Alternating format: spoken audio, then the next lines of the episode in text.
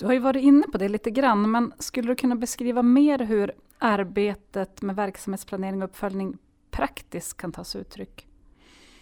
Mm, eh, jag tänker så här att eh, man behöver bena i eh, olika delar av planeringen. Att dels titta på vad är det för effekter som vi förväntar oss ska, eh, att vi ska uppnå. Effekterna det är ju det som skrivs i planeringsförutsättningarna från ovanliggande chefsnivå. Till exempel, vi ska minska långtidsarbetslösheten. Vad behöver vi då ha för aktiviteter för att eh, vi ska nå den effekten? Och, och sen, vad är det vi ska mäta för att veta att vi gör de aktiviteterna, att det leder åt rätt håll? Ibland så kan jag tycka att vi fastnar i det här med resultat och primära indikatorer och funderar inte så mycket på vad det är för aktiviteter vi i vardagen gör och faktiskt vilka effekter det ska bli. Och effekterna, det är ju det vi hittar i den strategiska kartan och vi hittar dem i planeringsförutsättningarna för ettårshorisonten.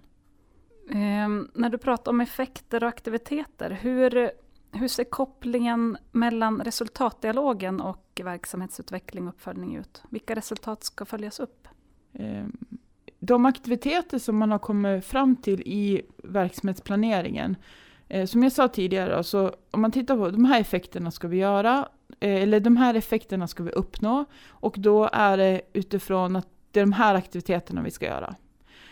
Och de här resultaten ska vi mäta. Då tror jag att det är viktigt när vi mäter de här resultaten i resultatdialogen att vi tittar på, ja men har vi gjort de aktiviteterna?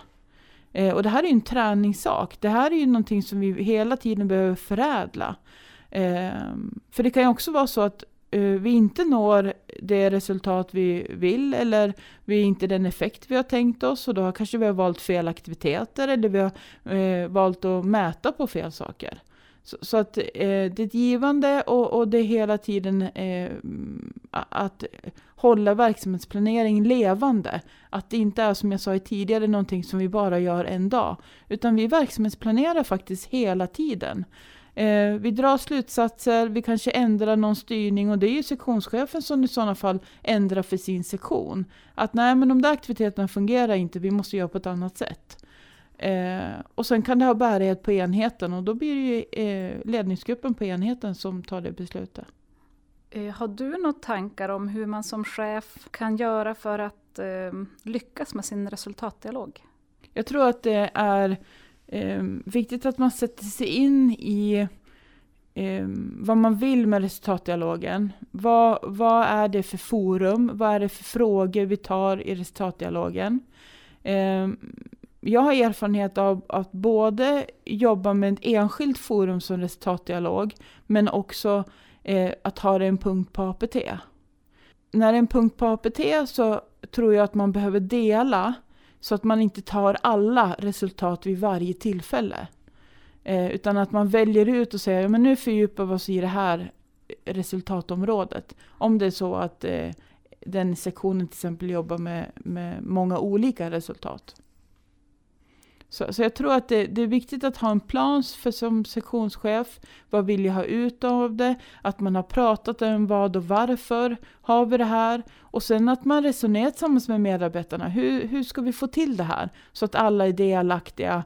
Eh, Ska medarbetarna ta fram resultat eller ska chefen ta fram resultat? Hur, hur vill man tillsammans få, få en dialog som leder till inte bara ett konstaterande av resultat utan också att man drar slutsatser och ökar sin förståelse av vad som ger resultat och vad som eh, fortsätter att vara utmanande.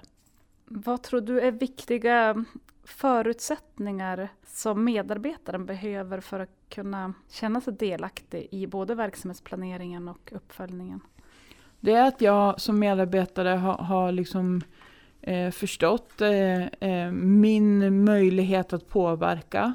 Att jag eh, märker att det, eh, man tar tillvara på, man lyssnar på, att vi tillsammans i medarbetargruppen kan liksom resonera där vi har ett tillåtande klimat där vi eh, lyssnar på varandra eh, och bidrar. Och att vi liksom får en dialog som innebär att vi är aktiva, inte är passiv och bara sitter och lyssnar.